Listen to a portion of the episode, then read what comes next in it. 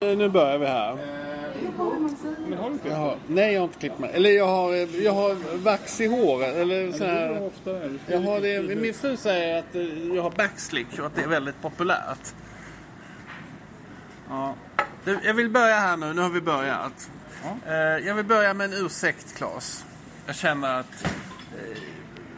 Jag, var ju, jag hånade ju dig förra avsnittet för att du hade gjort ett manus. Vem har, vem har fått dig att... Vem, det, det här är liksom en, en, en unik situation. Du har för det första aldrig erkänt ett fel och två aldrig bett någon människa om ursäkt. Vad, vad, Nej, jo, men det gör jag ibland. Eh, Min fru ber jag ofta om ursäkt. Jag säger jag är inte perfekt. Och då säger hon jag är inte heller perfekt. Ja, sen är det väldigt svårt att fortsätta den diskussionen. Men jag vill bara säga att jag vill be om ursäkt för att jag testade det här som du... Det är en, radikal förändring här i podden, det här avsnittet. Jag har testat det här som du hade gjort förra gången. Och vad var det? Att förbereda mig. Så jag har förberett mig. Okej. Men jag tänker...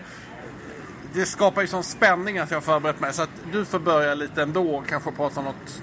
Du har ju skickat ett nytt manus. Ja, men, jag vet inte om du någonsin har haft med ett manus att göra. Jag skickar tre punkter på ett sms. Jag, Ja, nej, men alltså, det är det ju eh, väldigt hårt. Jag har själv då skrivit ner flera punkter som jag tänkte prata om senare. Ja, okej.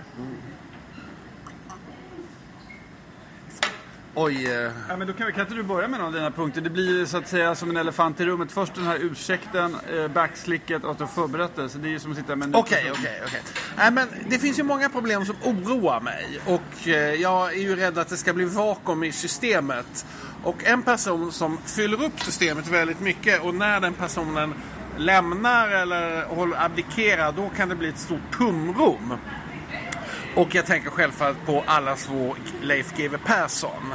Och Leif GW Persson han har ju en unik roll i svensk offentlighet och det är ju det att det spelar ingen roll vad han säger och vad han gör. Eh, medierna publicerar detta okritiskt och eh, absolut eftersom han är så fruktansvärt rolig, kunnig, initierad, eh, underbar, älskad person. Ja, han drar trafik. Ja, han, han drar trafik och ja, man känner ju så med Leif GW rätta mig om jag har fel, men han kommer inte leva för evigt. En av sakerna som följer honom är ju det faktum att han, eh, hans hälsa är lite krasslig. Senast jag såg honom då berättade han att han, han snart skulle flytta över och sitta i en rullstol.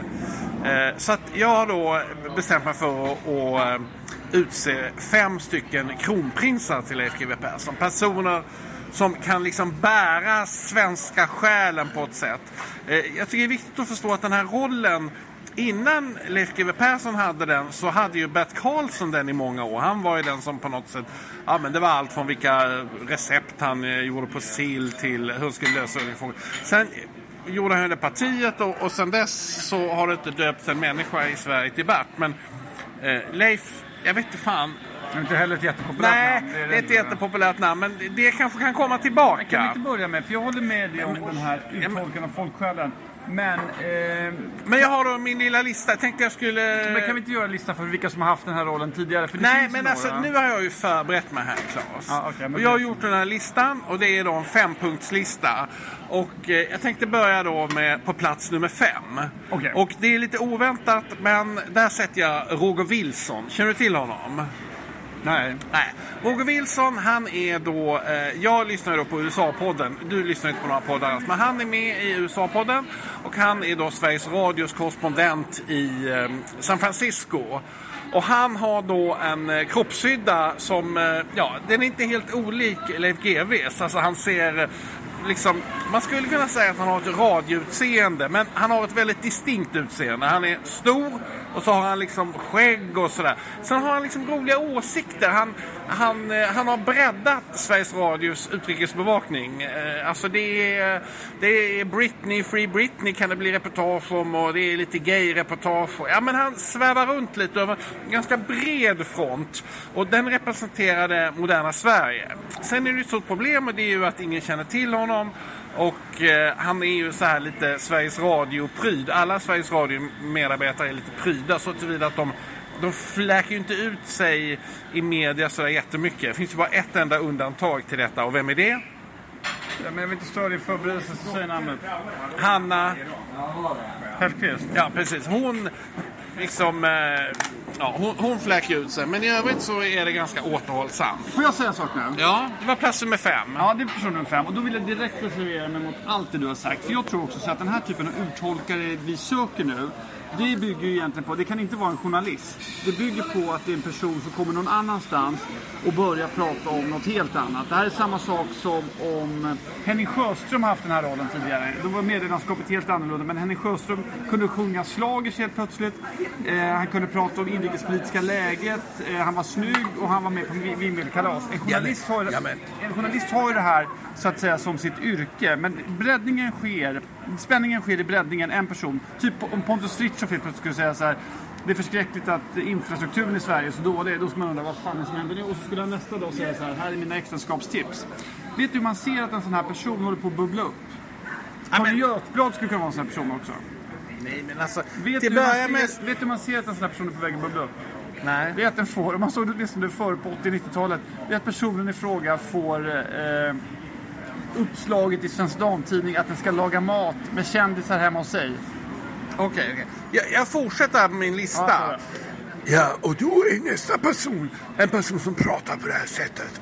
Och vi har inte hört någon person prata på det här sättet under, ja, ja det kanske någonsin, aldrig någonsin. Men han pratar på så här, han pratar länge och han pratar spännande och han pratar om ett ämne som Leif GW Persson också pratar om. Och han, på något sätt är det så med hans röst att den skapar ett lugn i samtiden. Ja, till skillnad från din. Ja, och hör du vem jag är nu? Nej. Jag är Gunnar Strömmer, justitieminister. Han, pratar, precis, han pratar så här. Sen är han ju liksom, så ser han ju, han får ju han får ju Folkpartiets eh, partiledare att se smal ut. Och det är inte alla människor som gör det. Sen har han en intressant ålderskategori. För han ser ut som en blandning mellan 15 och 72. Och det är också väldigt spännande. Och sen så tycker jag att han, ja, han Ja, han fyller en med något slags lugn och han kan prata med den här entoniga men ändå intressanta rösten under väldigt lång tid. Men jag märker inte heller Gunnar Strömmer kommer att bli ersättare. Nej men det är ju en galning. Han pratar inte alls. Han, Gunnar har ju sjungande. Han pratar ju liksom nästan väldigt tryggt. Gunnar Strömmer heter jag. jag Nej, alltså så pratar han det inte. Han pratar så här. Ja, Men då vill jag säga en annan sak till dig. Jag tror att Gunnar Strömmer har många kvaliteter, men jag tror inte han skulle kunna vara uttolkare av det svenska samhället på det sättet. En annan Gunnar däremot som skulle kunna ha det tror jag är Gunnar Wetterstrand. Alltså, jag fortsätter här med Ja, min lista. med lista. Jag känner ju att... Än så länge är listan helt värdelös, men vi fortsätter på den. Det är plats tre. Ja, nej, men på plats nummer tre. Och det här är ju liksom lite av en bubblare. Men jag tycker att Lena Andersson på senare tid har visat en osviklig förmåga att tränga in i folksjälen och säga som det är. Så att halva befolkningen reser sig upp i protest och andra reser sig upp i jubel och applåderar. Och sen tycker jag så här att Lena Andersson, hon har visat på en annan talang som, som är viktiga. Hon skriver ju då en krönika i, i Svenska Dagbladet en gång i veckan. Och varenda gång den kommer, då laddar liksom 200 debattredaktörer sina gevär och skjuter iväg. En del skjuter fyrverkerier och andra skjuter bomber. Men då är Lena Andersson, det som är bra med Lena Andersson här, det är att hon då eh, går med i alla debatter, svarar på alla mejl. Hon är liksom, hon är inte som en sådär, liksom, lite många av de här som håller på att debattera, det är som att de kastar iväg en handgranat så, så springer de och gömmer sig sen. Men Lena Andersson, hon inser, hon svarar på alla jäkla frågor. Och det tycker jag, Lena förlåt ursäkta mig. Andersson är Ja, journalist. Nej, men det, det här journalist- rollen bygger på, Leif GW Persson är kriminolog och börjar prata om hur man lagar mat. Där blir breddningen, det är det som gör honom unik. Ja, nej, men du förstår inte riktigt det här. Bert Karlsson, vad var han Ja, innan? han var inte journalist heller, han Nej, var men- eh, eh, musikdirektör. Okej, Och sen vill jag rätta mig och säga att han heter Gunnar Wetterberg och inte något annat. Jaha, okej, okej, okej. Men då har vi på andra plats har vi en person som, eh, som då, han är ju inte journalist och det är David Sundin. Han är ju fruktansvärt rolig, eh, spirituell, säger roliga grejer. Han är ju lite liten, han skulle ju behöva bli två meter lång. Men annars är han den här lite runda, folkliga. Men han, han går ju lite bort eftersom han har tagit eh, en plats som... Eh, eh, han har redan tagit en annan känd svensk plats. Vet du vilken det är? Magnus Härenstam. Nej, Loffe Karlsson. Alltså David Sundin är vår tids Loffe Ja, Karlsson. kanske möjligtvis. men- Ja, kanske då. David Sundin har väl bara gjort en skådespelarroll, eller? Nej men han är ju liksom, det vet jag inte, han har ju skrivit lite böcker. Han är liksom en allkonstnär. Men, Ja, men jag kan köpa in på... okej, okej. Men då har vi en person som är liksom som är överst på listan. eh, Leif GW Leif GW Perssons kronprins. Ja. Och vem är det? Ja, antagligen Alex Schulman. Jonathan Unge. Han var här igår på Rish. Oj, oj, oj. Alltså- ja, men alltså du, du lyser upp. Vet du Det är vad, jag du svär, jag menar. blir helt starstruck. Jag vet inte vad jag ska göra. Ja, men vet du vad jag alltså- sa till honom? Nej, vad sa du till honom? Hej, sa jag bara. Men alltså Jonathan Unge, han är ju så fruktansvärt rolig. Varenda gång han uttalar sig. Läste hans krönika nu senast när han har hans sommarreferat. Underbart. Ja men alltså så jävla roligt. Allt han tar är lite guld. Allt han tar blir till guld. Och sen tycker jag också att det är intressant för att han han är ju då Cecilia Hagens eh, son. Och, även Ingmar Unges. Ja, Ingmar, men han känner ingen till. Men eh, Cecilia Hagen, man har läst hennes krönikor i eh, Expressen sedan 1800-talet. Och hon har ju lagt ut texten om det det ena och det andra. Och nu kommer det då en uppföljning, en slags eh, vad ska Succession. Vi, succession, men också ett ifrågasättande. Och den här nya krönikörsrollen, det gör ju liksom att både de gamla och de nya kan liksom följa med. Även Cecilia Hagens eh, fans, de håller ju på att dö allihopa. Men men de kan liksom få som ett slags Viagra av att läsa Jonathan Unge. Samtidigt så får vi ju perspektiv på Cecilia Hagen. Och där tycker jag till exempel det som han skrev då att jag i, i teorin så älskar min mamma när vi kommer på besök. Men i praktiken så hatar hon det. För att det blir så jävla jobbigt med unga. Och detta öppnar ju upp också, man tänker så här, Alex Schulmans barn. Alltså han har ju baktalat sina föräldrar i alla år. Men snart så får vi veta sanningen om Alex Schulman. Och den kommer ju hans barn leverera när de blir krönikörer. Och jag tippar att eh, det kommer att ske ganska snart. Uh, ja, så att det här forumet, det här, och han är ju Alltså han kan ju inte uttala sig om kriminologi, men han kan ju uttala sig om allting annat. Och har man vunnit På spåret och Alla mot alla och alla de här programmen, så är man ju bevisligen också väldigt smart. Och det tror jag är viktigt när man ska bli en sån här folklig hjälte, det är att man är begåvad.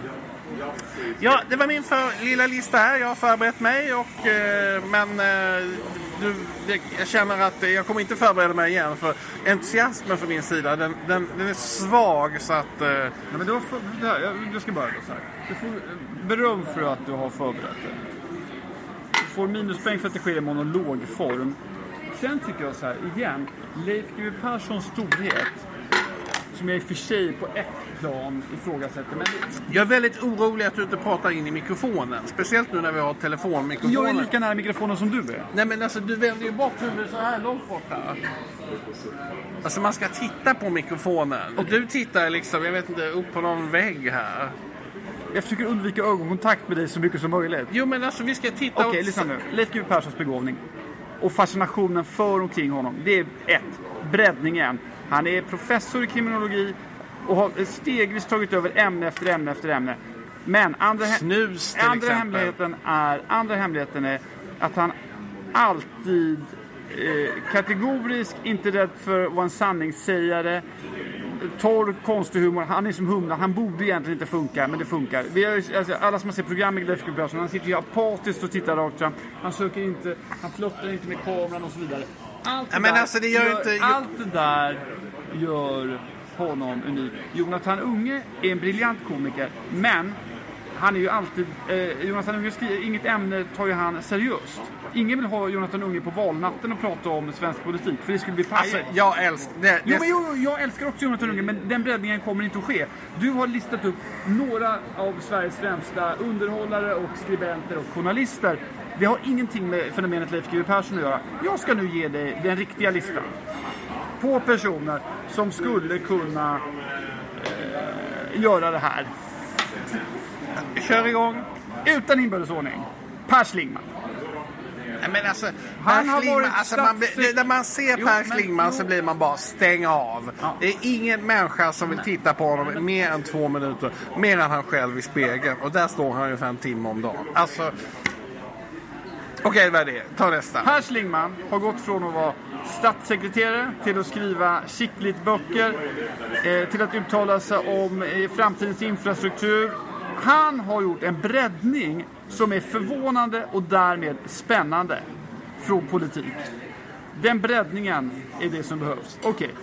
Sen skulle... Och Per Schlingmann Alltså, per, jag tycker Per är en trevlig människa. Jag skulle gärna sitta och käka lunch med men han honom. vill säkert skitgärna snacka med dig med tanke på hur otroligt vänlig du har varit mot honom nyss. Eller hur? Men, jag tror... Bianca, vi sitter, vi sitter och poddar om dig nu, vet om det. Kan du säga till våra lyssnare nu att du inte är arg på mig? Är det som Vanessa? Är det Vanessa? Jag var inte arg på dig. Vanessa, kolla Flashback om en timme. Kolla Flashback om en timme. Du gjorde mitt jobb. Visst? Min dotter blev eh, lite sugen på att presentera er sist. Så de stod och bråkade med hon skulle ta en bild. Men hälsa Nästa gång. Ja, det kom ju Bianca Ingrosso här och flörtade upp eh, Claes här. Gunnar Wetterberg har jag nämnt.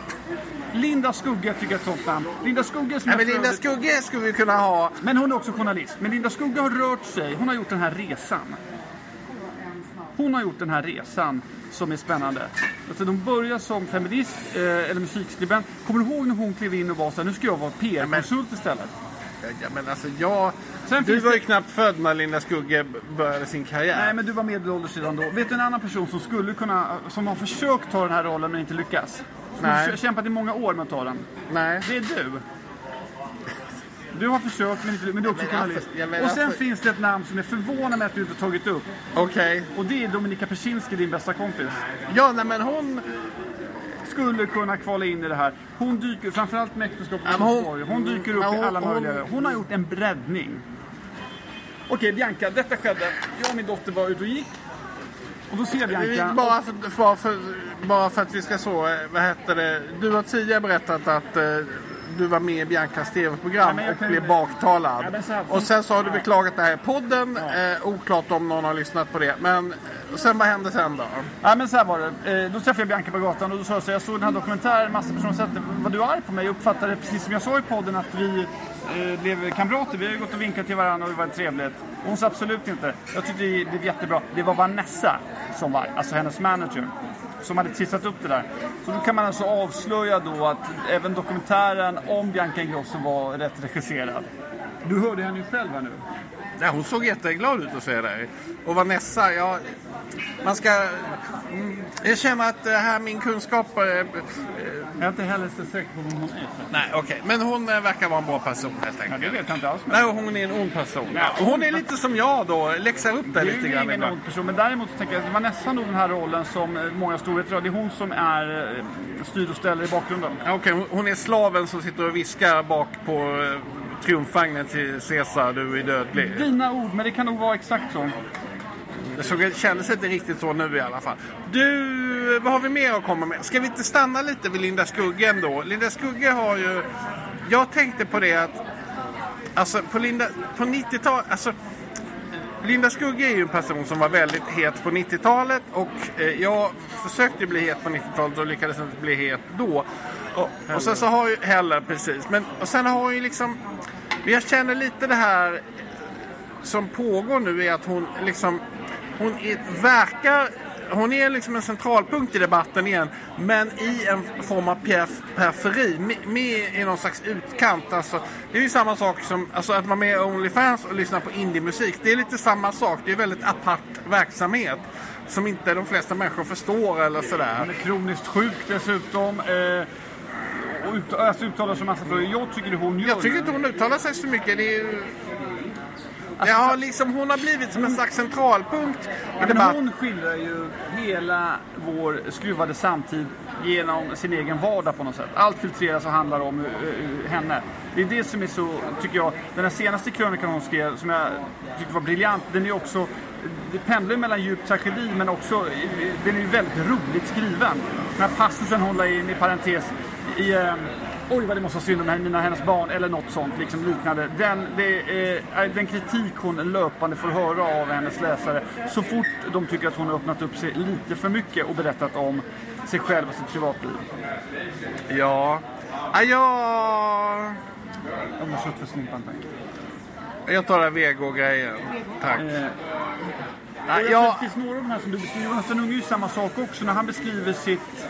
Både Linda Skugge och Jonathan Unge, de beskriver ju sin vardag på samma sätt som Ingmar Bergman gjorde senare i sitt äktenskap. Senare i ett äktenskap. Det där är ju som eh, en Bergman-pjäs som pågår hela tiden. Det är ju det som gör att man vill följa den. Vi vill ju veta nästa kapitel i... Eh, ja, vi tar Jonathan Unge som exempel. Vad ska hända näst? Jag kände när jag såg honom där, då hade han en babybjörn och ett barn i den helt enkelt. Och eh, allt med honom verkar vara otroligt roligt. Jag tror han pratade i telefon med någon. Jag tror antingen om den personen inte hade kommit i tid eller om han inte hade gjort det kunde inte ta, jag kunde inte ta mina ögon från. Jag ville vara med. Jag tänkte jag skulle, du vet.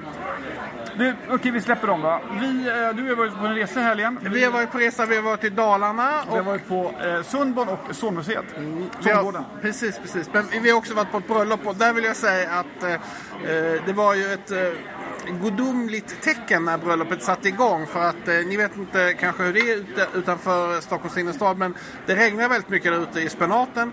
Och eh, det hade regnat i Dalarna i två veckor och fram till klockan 15.00 så regnade det. Men klockan 15.00 sprack det upp och så, så sken solen är väl att ta i, men det var eh, växande solsken och lite moln. Och bröllopet kunde genomföras utan egentligen några stora problem överhuvudtaget. 250 personer på en... Eh, fan hette det där? De, Ås, fäbod. Fäbod ja, utanför en fäbod eh, satt vi och eh, firade Therese och Jakob. Och jag tyckte att det blev otroligt lyckat och fantastiskt generöst, jättehärligt. Eh, vi ska väl inte... Eh, man kan väl säga eh, det finaste talet eh, det höll tyckte jag Bonnesen, eh, eh, Swedbanks före detta chef till Therese. Det var ett fantastiskt fint tal som jag tyckte, ja men det var jätte, eh, jag, det, det tyckte jag var häftigt. Vad tyckte du var det bästa talet? Till skillnad från dig så gör jag lite småromantiskt lagd så jag skulle säga att det var de eh, tal som antingen deras barn höll eller som brudparet själva höll till varandra. Men det är klart att den före detta Sparbanksdirektörens tal var också fint. Det var ju mer riktat till Therese som, som eh, yrkesperson än, eh, som bröllops, eh, än till bröllopsparet. Men i övrigt håller jag med dig om beskrivningen av hela den här helgen. Den var otrolig. Jag tänkte vi skulle inte riktigt... Så att Nej, vi ska hoppa över till kan- som vi kanske, tillsammans kanske, fick, fick en eh, visning av. Ehm, ja men visst blev man glad av Carl Larsson?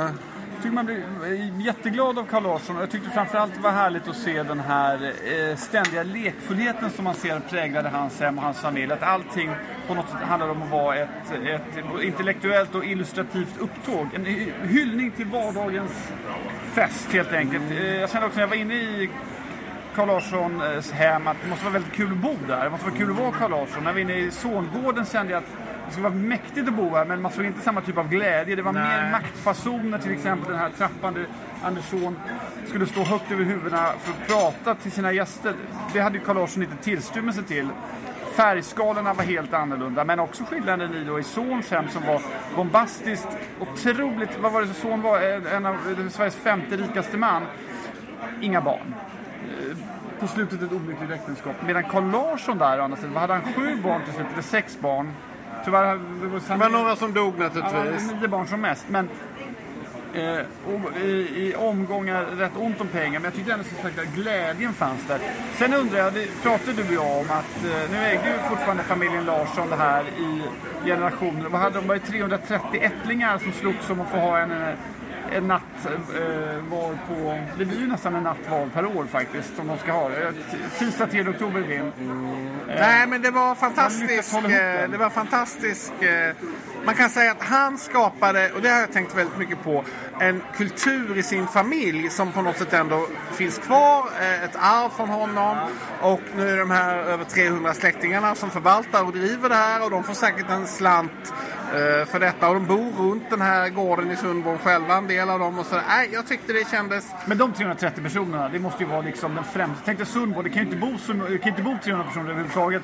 Men, och de här bor ju inte där permanent, men när de dyker upp, det måste ju vara som liksom gigantisk adelsfamilj som kommer till det här lilla samhället och har tillgång till Sundborn. Och de bodde ju även inne i huset fortfarande. Sen tycker jag att man blir inspirerad av den här vardagliga sättet att liksom göra saker på rim eller måla på väggarna. Alltså det fanns eh, en blandning mellan eh, Walt Disneys eh, sätt att se på livet och... Eh, Ja, men det var ju det som jag tänkte också att som, alltså, Carl Larsson han skapade ju en kultur som på något sätt eh, inredning och lekfullhet och alltså som på något sätt sen bär in i, i 1900-talet. Det börjar på 1800-talet. Alltså Walt Disney, jag tänkte på Andy Warhol, alltså på något Ja, sätt Warhol hela... annan. Att man skapar ett varumärke, man skapar... Frank naturligtvis. Ja, nej, men alltså att man skapar en produkt som på något sätt genomsyrar allting och att man också i sin egen person bär sitt eget konstnärskap.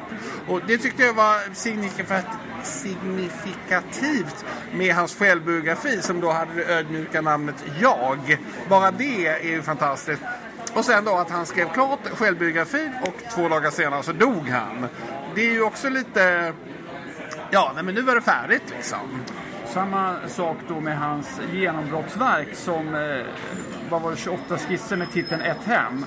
Vilket också är skälet till varför Jeanette Mix har döpt sitt hotell till Ett hem. Ja. Jag tyckte faktiskt att jag blev lite besviken där för jag tyckte att ett hem i Stockholm, det här hotellet, det är ju väldigt fint men det har ju inte alls den här liksom busiga lekfullheten som finns på ett hem. ett, Så att- ett hem i Stockholm är ju mer så att säga ett övre ståndshem. än- Ja, än, nej men alltså det är faktiskt, eh, hon har tagit namnet men sen tror jag att hon har tagit idealen, de har hon nog tagit från Zorn. gjort. Ja, precis. Sen så är det ju väldigt elegant ett hem i Stockholm. Men Men det det är, inte det här, det alltså det är inte det här, en, det är inte en lekfull plats. Du, Men eftersom familjen Mix... nu, nu kommer maten här så att jag vet inte, ska vi... eh, Sista sak. Det finns ju två, två, apropå, två dalmasar som har blivit... Eh, det finns ju en tredje som man kan nämna här också. Vi var ju inte vi på Axel Munthes Hildasholm, men det intressanta är att Anders Zorn får man väl säga är den mest kända svenska konstnären eh, vi någonsin haft. Axel Munthes bok Drömmen om Samekele var på sin tid en av de mest kända böckerna över världen.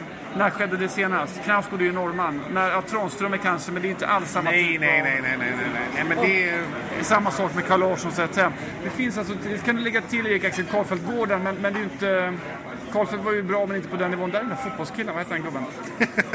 ja, det är eh, Janne Andersson. eh, Men de här tre- Pascal Simpson, heter han, heter han Simpson? Nej, vad fan heter alltså, de här tre, eh, Son, Larsson, Munthe, vilket otroligt maktcentrum med bara några mil emellan sig och alla tre mycket vackra hem.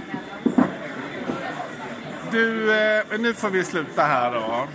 Eh, jag vill bara säga att nu åker jag till Malaysia här imorgon och jag är borta i två veckor. Sen efter det i september kommer allting vara som vanligt och vi kommer sitta här och blurra på. Vi är jätteglada att ni lyssnar. Dela gärna programmet med era vänner och sprid det till... nej, nej, ja, men nej. jag vill det. Alltså, jag tycker ju att man ska... Varför ska vi sitta här och prata och ingen mer än Johan Akelius och Susanna Popova lyssnar?